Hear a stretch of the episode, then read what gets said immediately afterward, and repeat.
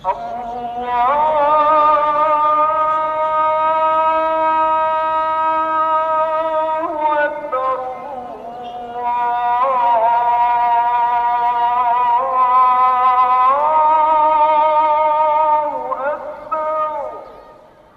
الله الرحمن الرحيم الحمد لله رب العالمين والصلاة والسلام على أشرف المرسلين نبينا محمد وعلى آله وصحبه أجمعين Gerespekteerde luisteraars, assalamu alaykum rahmatullahi wa barakatuh van myself, Abdurrahman Petersen.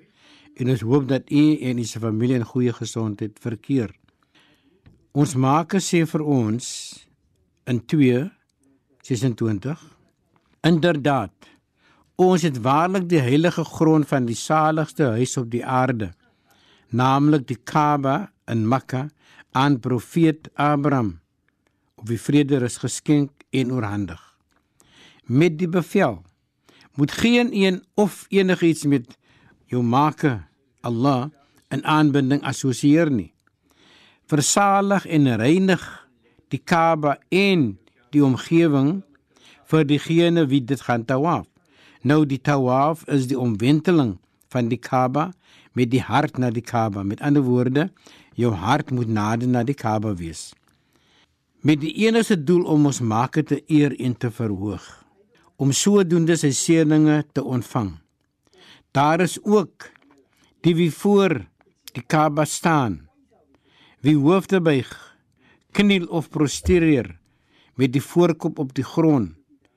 En geëerde luisteraars, ons sal vir niemand anders ons kop op die grond plaas nie. Dit is net vir ons maker en dit is bekend as die sujud in opregte aanbidding vir my sê ons maker. Hulle smeek vir vergifnis en ek vergewe my slawe sê die maker. Hierdie heilige aksies behels veel spirituele waardes omdat die Kaaba en die streek van Arafah die twee hooflokasies van die Hajj bekleë.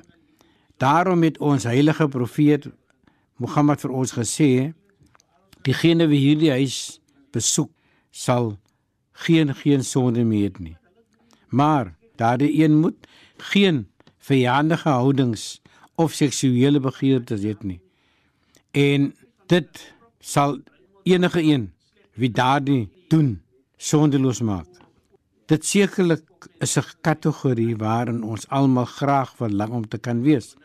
En dis heel moontlik alhoewel dit baie moeite en toewyding verg so ons herken in alle fasette van die lewe sukses moet voorgestrewe en voorgewerk word.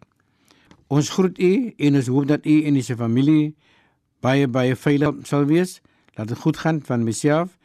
Assalamu alaykum wa rahmatullahi wa barakatuh. Allah